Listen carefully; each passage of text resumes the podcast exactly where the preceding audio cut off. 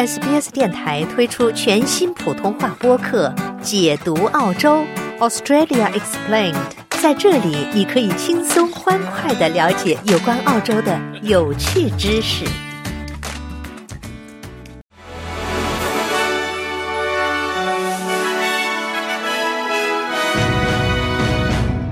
听众朋友您好，我是 SBS 记者刘俊杰。今天是二零二四年三月四日，星期一。本期 SBS 新闻快报的主要内容有：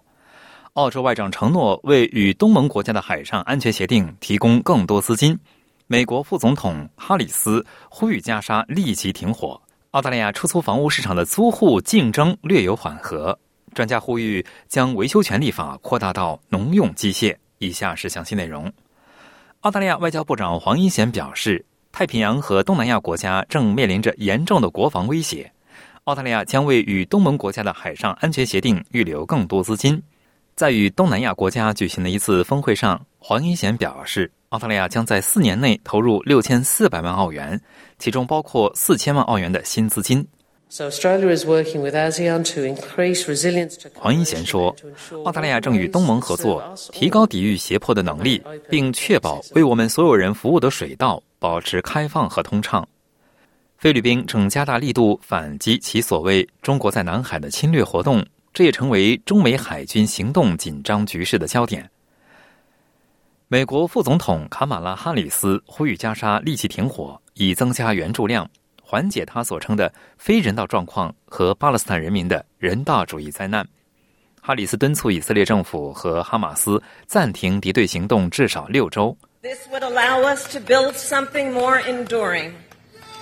他说：“这将使我们能够建立更持久的关系，以确保以色列的安全，并尊重巴勒斯坦人民享有尊严、自由和自觉的权利。”美国副总统的这一说法是迄今为止美国政府高级领导人发表的最尖锐的评论之一。他呼吁以色列立即缓解加沙的状况。在此之前，美国于周六向加沙空投了粮食援助，引发了巴勒斯坦人的批评。他们称这些援助不足，而美国向以色列军队提供了物资。澳大利亚的出租房屋空置率达到了百分之零点七的历史新低，但租户竞争略有缓和。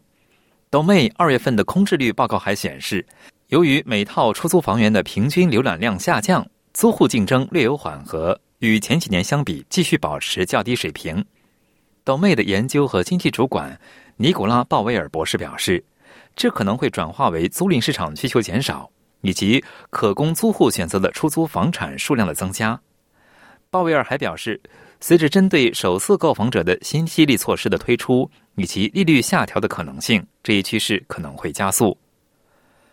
专家们呼吁将维修权立法扩大到农用机械，因为目前农民在机器发生故障时无法自行维修。自二零二二年七月一日起，法律要求汽车制造商与独立维修商共享服务和维修信息，但在农场机械方面却没有这样的要求。格里菲斯大学澳大利亚维修网络主席利安·怀斯曼教授表示，尽管联邦当局强调了农民拥有维修权的必要性，但这种情况并未发生。怀斯曼教授说，这些农场主中有很多都是柴油机技师。他们掌握了技能和知识，一直都在对拖拉机做一些小修理。只是现在这些拖拉机都有支持软件，而他们确实没有使用这些软件的权限。这就是机械维修的真正障碍。感谢收听本期 SBS 新闻快报，在任何播客平台搜索 SBS 普通话，点击订阅，开启消息提醒，即可了解澳洲国内外新闻及社区信息。